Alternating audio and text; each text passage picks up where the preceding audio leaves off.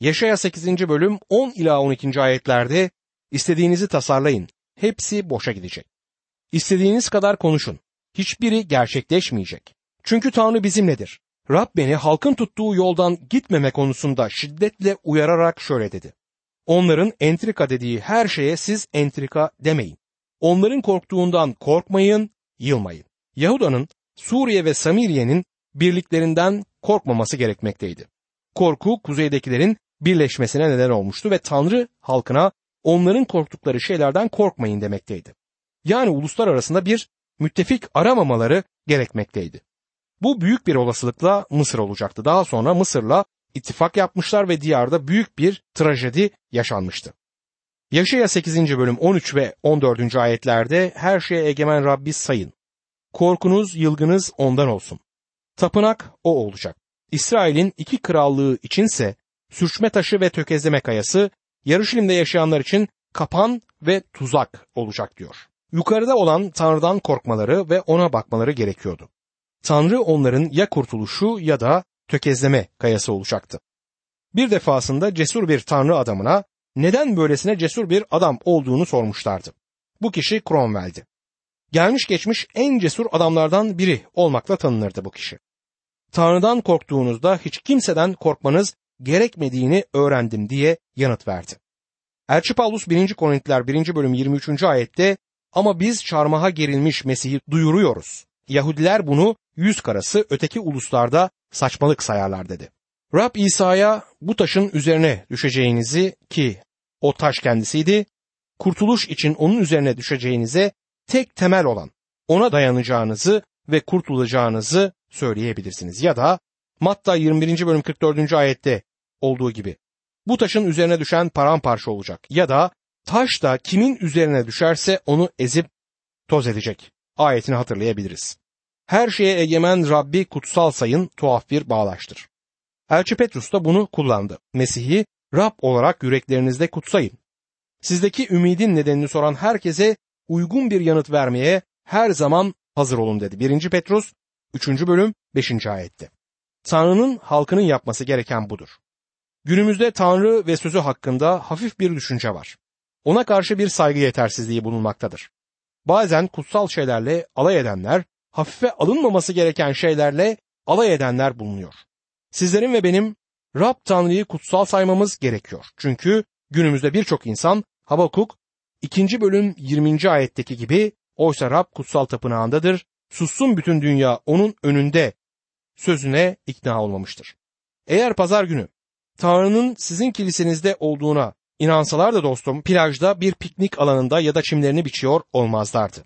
Sizinle birlikte sizin kilisenizde olurlardı. Sizler ve ben onları ikna edemiyoruz değil mi? Tanrı sözünün yerine ruhçuluk koyanlara gelecek yargının bildirimini şimdi göreceğiz. Yaşaya 8. bölüm 19. ayet der ki, Birileri size fısıldayıp mırıldanan medyumlarla ruh çağıranlara danışın dediğinde halk kendi tanrısına danışmaz mı? Yaşayanlar için ölülere mi danışırlar deyin diyor. Günümüzde ruhçular yeniden ortaya çıktı. Tanrı kesin olarak insanların şeytanın sistemiyle ilgilenmelerini yasaklar. Bir insan toplum ve halk Tanrı'ya sırtını çevirdiğinde genelde bilinmeyenler ya da anormal şeylerle ilgilenmeye, şeytancılıkla uğraşmaya başlamıştır. Leviller 20. bölüm 27. ayet. Cincilik yapan ve ruh çağıran ister erkek olsun, ister kadın olsun kesinlikle öldürülecektir. Onları taşlayacaksınız. Ölümlerinden kendileri sorumludur der. Yaşaya 18. bölüm 9 ila 12. ayetler arasında ise Tanrınız Rabbin size vereceği ülkeye girdiğinizde oradaki ulusların iğrenç törelerini öğrenip uygulamayın. Aranızda oğlunu ya da kızını ateşte kurban eden, falcı, büyücü, muskacı, medyum, ruh çağıranlar ya da ölülerin ruhlarına danışan kimse olmasın. Çünkü Rab bunları yapanlardan tiksinir. Tanrınız Rab bu iğrenç töreleri yüzünden bu ulusları önünüzden kovacaktır der. Günümüzde bilinmeyen ruh dünyası ve cinler dünyasına büyük bir ilgi var. Günümüzde birçok kişi şeytana tapıyor. Hristiyanların bile bilinmeyenlerle ilgilendiğini görüyoruz. Bazı kişiler cinleri kovmakla ilgilenir. Dostum bu iş çok ciddi ve tehlikelidir. Ben Tanrı'nın lütfunun müjdesini ve Tanrı sözünü bildirmekten yanayım. Bu bütün cinlerin icabına bakacaktır. Eğer herhangi birisi cinleri kovmakla ilgileniyorsa bunun tehlikeli olduğunu bilmelidir. Ve büyük bir olasılıkla bu tehlike hayatında hızla artacaktır. Bizim sorumluluğumuz Tanrı sözünü bildirmektir. Tanrı sözünün girdiği yürekler gerçek özgürlüğe kavuşur. Yüreğinde Tanrı'nın ruhu olan insanlar ışığın çocuklarıdır ve bu çocukların üzerinde karanlığın, cinin ve şeytanın egemenliğini İsa Mesih'in isminde reddediyoruz. Dostum şeytanın amacı insanı körlüğe, cehalete, boş inançlara bağlamaktır.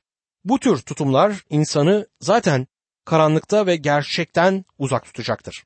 Tanrı bizleri buna karşı uyarır. Bu uyarıları ciddiye almalıyız.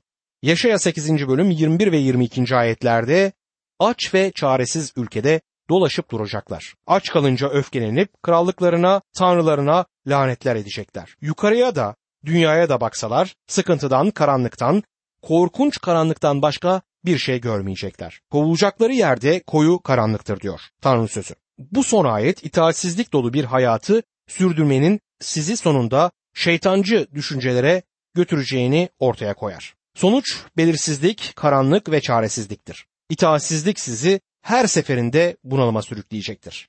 Gelecek çocuğun Davut'un tahtına oturacağı ve onun ilk ve ikinci gelişinden önceki karanlık günler Yeşaya 9. bölümdeki temel konudur.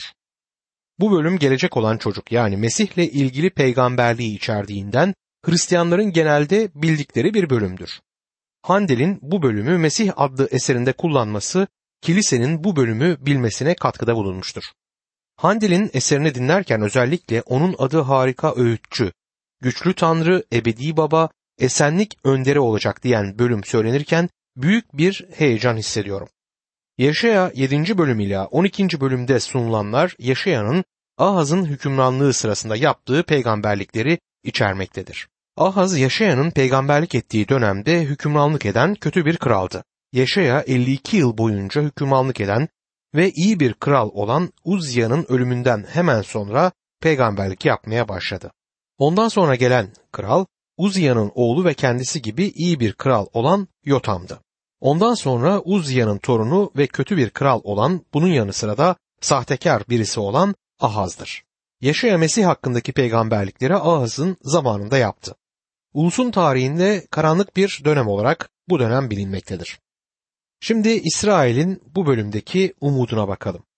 1 ila 7. ayetlerde hem birinci ve hem de ikinci gelişlerinde ilahi çocuğu görüyoruz. Yaşaya 9. bölüm 1. ayet. Bununla birlikte sıkıntı çekmiş olan ülke karanlıkta kalmayacak. Geçmişte Zevulun ve Naftali bölgelerini alçaltan Tanrı, gelecekte Şeria ırmağının ötesinde deniz yolunda ulusların yaşadığı Celile'yi onurlandıracak diyor.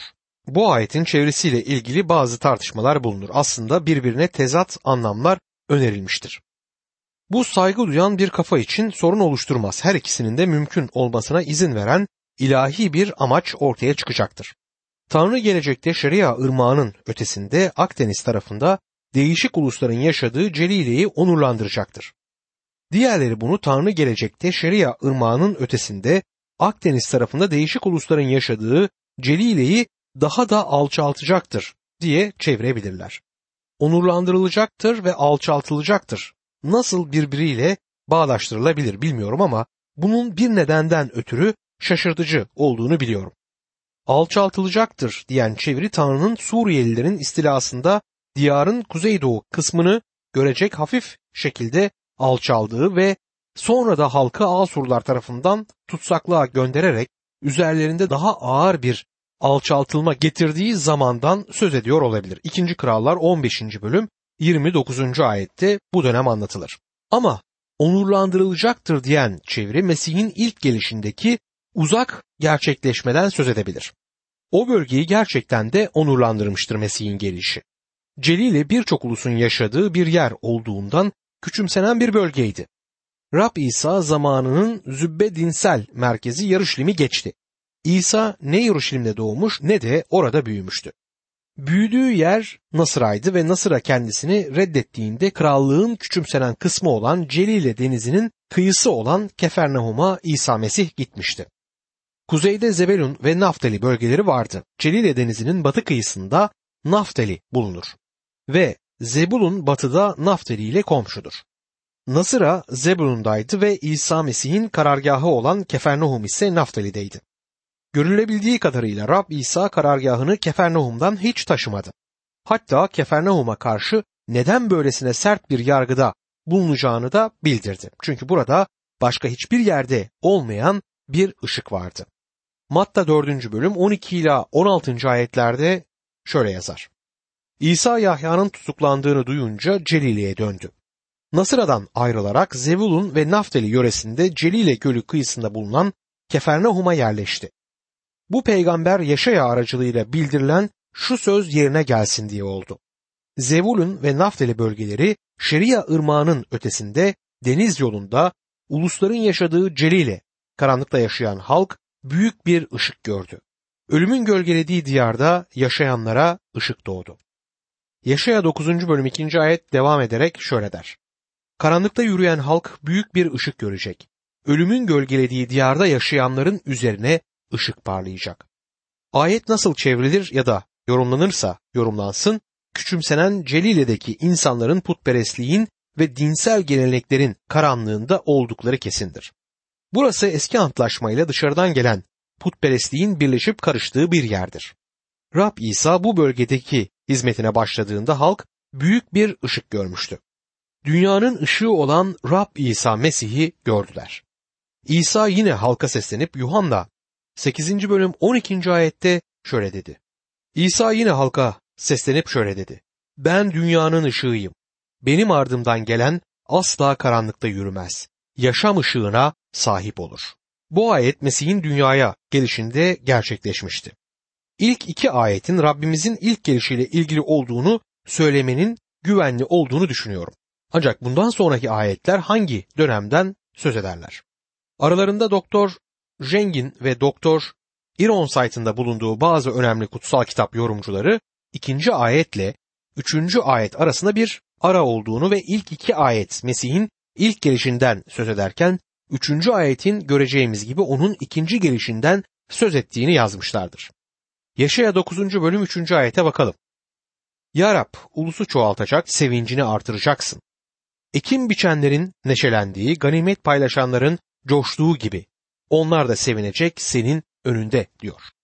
Ulus büyük ölçüde çoğalmıştı ve halk daha da dindardı ama sevinç yok olmuştu. Dinle çok ilgiliydiler ama Mesih'e hiçbir zaman sahip olmamışlardı. Büyük belirtilerin gerçekleştiği bir dönemdi bu dönem ama gerçek sevince sahip değillerdi. Ki ara şimdiden 2000 yıl sürmüştür. Yaşaya bu dönem hakkında neden hiç peygamberlikte bulunmamıştır?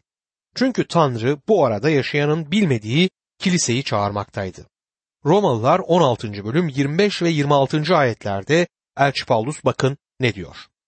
Tanrı duyurduğum müjde ve İsa Mesih ile ilgili bildiri uyarınca sonsuz çağlardan beri saklı tutulan sırrı açıklayan vahiy uyarınca sizi ruhça pekiştirecek güçtedir.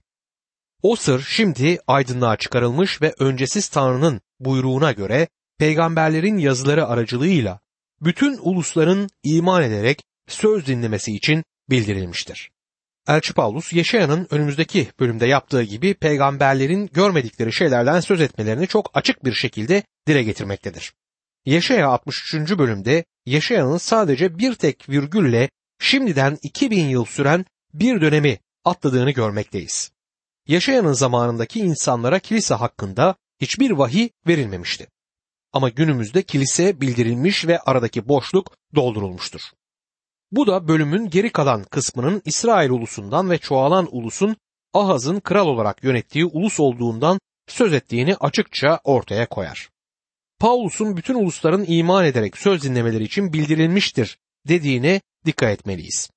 Böylece kilisenin açıklanmasının yani vahyinin başka bir topluluk için olduğunu görüyoruz.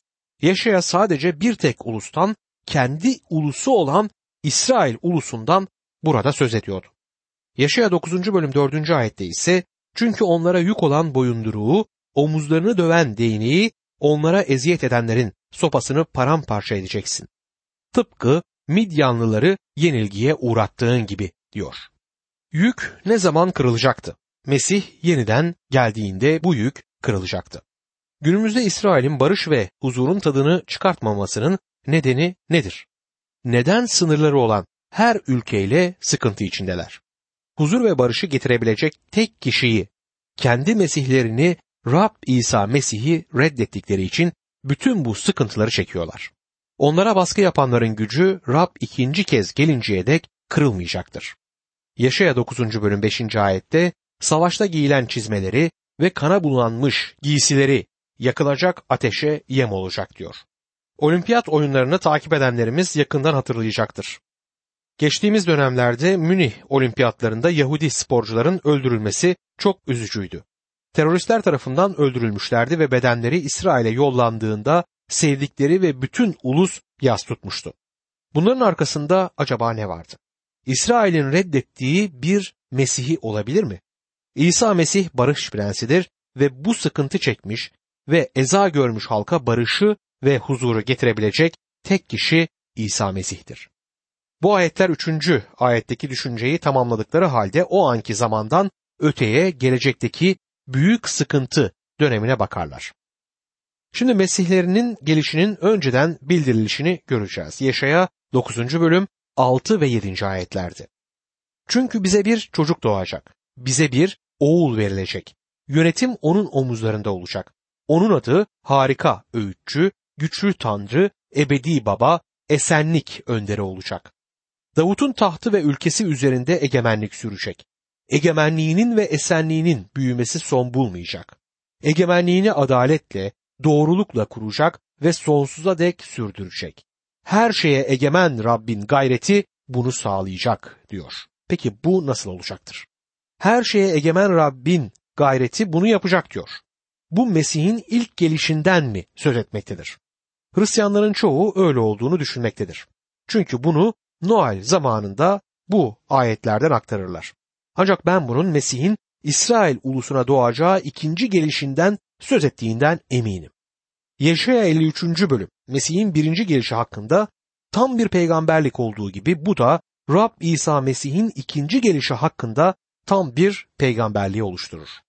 Bu ayetler üçüncü ayette ele aldığımız düşünceyi sürdürmektedirler ve Mesih'in ikinci gelişine işaret ederler. Mesih'in ikinci gelişinde nasıl bir çocuğun doğduğu sorusu sorulabilir. İlk olarak şunu açıkça söylemeliyim ki birinci gelişinde bize diyor. Ancak İsrail ulusuna doğmamıştı. Çünkü onlar onu kabul etmemişlerdi. Yuhanna 1. bölüm 11. ayet kendi yurduna geldi ama kendi halkı onu kabul etmedi der. İsa Mesih Beytlehem'de doğduğu halde ulus tarafından kabul edilmemişti. Sadece birkaç çoban onu sevinçle karşıladı. Ona tapınmaya gelen yıldız bilimciler yabancı bir ülkeden gelen diğer uluslara ait kişilerdi. Altıncı ayeti dikkatlice okursanız bunun onun birinci gelişinden söz etmediğini görebilirsiniz. 3, 5 ve 7. ayetlerde bundan söz etmez. Mesih'in İsrail ulusuna doğduğunu söylemek daha iyi olabilir. Aslında onlar bir ulus olarak doğacaklardır. Bu nokta Yaşaya 66. bölüm 7 ve 8. ayetlerde anlatılır. Doğum sancısı çekmeden doğurdu. Sancısı tutmadan bir erkek çocuk doğurdu. Kim böyle bir şey duydu? Kim böyle şeyler gördü? Bir ülke bir günde doğar mı? Bir anda doğar mı bir ulus? Ama Siyon ağrısı tutar tutmaz çocuklarını doğurdu diyor. İsrail gelecekte bir erkek çocuk doğuracaktır. Bu onun doğuşuyla değil onların doğuşuyla gerçekleşecektir. Bu Mesih yeniden geldiğinde İsrail ulusunun yeniden doğuşuyla olacaktır. Mesih'in ikinci gelişinde bu ulus doğacak. Ben çocuğun doğduğu yani insanlığı gerçeğine dikkat çekmekte hiçbir sakınca görmüyorum. Oğlun verilmiş olması ikinci gelişi için geçerlidir. Yani 2000 yıl önce burada olan aynı İsa tekrar yeryüzünde olacaktır. Yönetim onun omuzlarında olacak. Omuzlar kuvveti simgeler. İkinci gelişinde bu dünyanın yönetimi onun kuvvetli omuzlarına konulacaktır. İlk gelişinde dikkat ederseniz bu olmadı. Rabbimize verilen isimlere dikkat edin. Diyor ki harika. Bu bir sıfat değildir. Bu onun ismidir. Hakimler 13. bölüm 18. ayette beden alıp insan olarak dünyaya gelmemiş haliyle Mesih'i Rabbin ordularının komutanı olarak görmekteyiz. Hakimler 13. bölüm 18. ayette Rabbin meleği adımı niçin soruyorsun dedi. Adım tanımlanamaz. Burada tanımlanamaz olarak çevrilen sözcük aslında harika olarak çevrilen sözcüğün aynısıdır. Matta 11. bölüm 27. ayette Rab İsa oğlu babadan başka kimse tanımaz demişti. İnsanlar bunu bilmiyorlardı ama o harikaydı. İnsanlar günümüzde de hala bunu bilmiyor. Ona kurtarıcısı olarak güvenmiş olan ama gerçekten ne kadar harika olduğunu bilmeyen Hristiyanlar dahi var. Dünyaya ikinci kez geldiğinde asiliği bastıracaktır ve yeryüzünde egemenlik sürecektir. Çünkü onun ismi harikadır. Ve bir diğer isim öğütçü. O hiçbir zaman insanlara akıl danışmamıştır ve hiçbir zaman insanlardan öğüt almamıştır. Romalılar 11. bölüm 34. ayette Rabbin düşüncesini kim bilebildi ya da kim onun öğütçüsü olabildi diyor. Tanrı'nın öğütçüsü yoktur. Rab İsa Mesih hiçbir zaman elçilerini çağırıp çocuklar sizce ne yapmalıyım demedi. Kutsal kitapta buna benzer hiçbir yeri okumuyoruz. Rab onları yanına çağırıp bunu yapacağım çünkü babamın isteği bu dedi ve Mesih bizler için bilgelik oldu. Çoğumuz fazla akıllı değiliz. Yardım için ona başvurmamız gerekiyor. Ve bir başka kullanılan isim güçlü tanrıdır. Sözcüğün İbranicesi El Gibbor sözcüğüdür. Bütün gücün kendisine verilmiş olduğu kişi odur anlamına gelir. O her şeye gücü yeten Tanrı'dır. Meryem'in bağrında yatan yardıma muhtaç küçük bebek bütün evreni bir arada tutan Mesih'tir. Gökte ve yerde bütün güç bana verilmiştir dedi. O güçlü Tanrı'dır.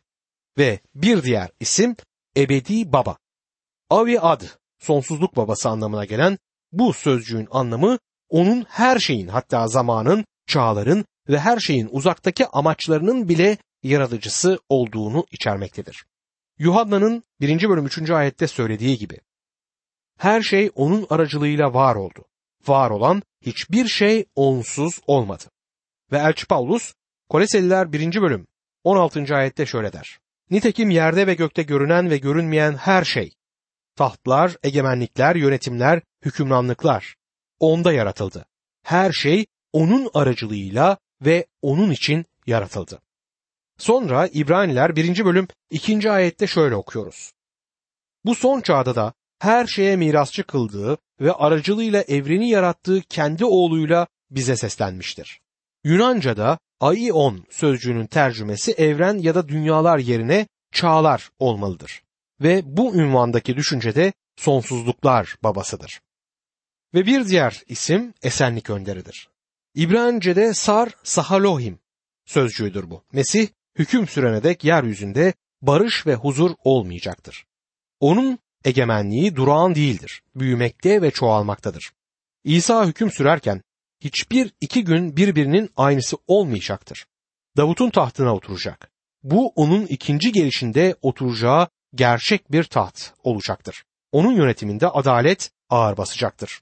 Bunu insanların akılsızca planları değil, Tanrı'nın gayreti ve coşkusu gerçekleştirecektir. Bu bölümün geri kalan kısmı 8 ila 21. ayetler İsrail'in zamanındaki yerel durumu dile getirmektedir ve o sıralarda kısmen yerine gelmişlerdir. Ama aynı zamanda tam ve son gerçekleşmeleri için ileriye büyük sıkıntı zamanına da bakmak gerekir. Tanrı o yeniden dönene dek bu ulusu ve kendisine sırt çeviren bütün ulusları cezalandırmaya devam edecektir. Modern insanlar bunu duymaktan hoşlanmıyorlar. Bunun yerine daha rahatlatıcı şeyler duymayı yeğlerler. Tarih kitaplarımıza bakıp İsrail'in ve Tanrı'ya sırtlarını dönen diğer ulusların başına gelenleri okuyun. Acıklı ve sefil bir öyküleri var. Ve korkuyorum ki bizler de yargılanacak bir dünyada yaşıyoruz. Eğer bir ulus kurtulacak bir ulus olabilse tarih boyunca kurtulan tek ulus olacaktır.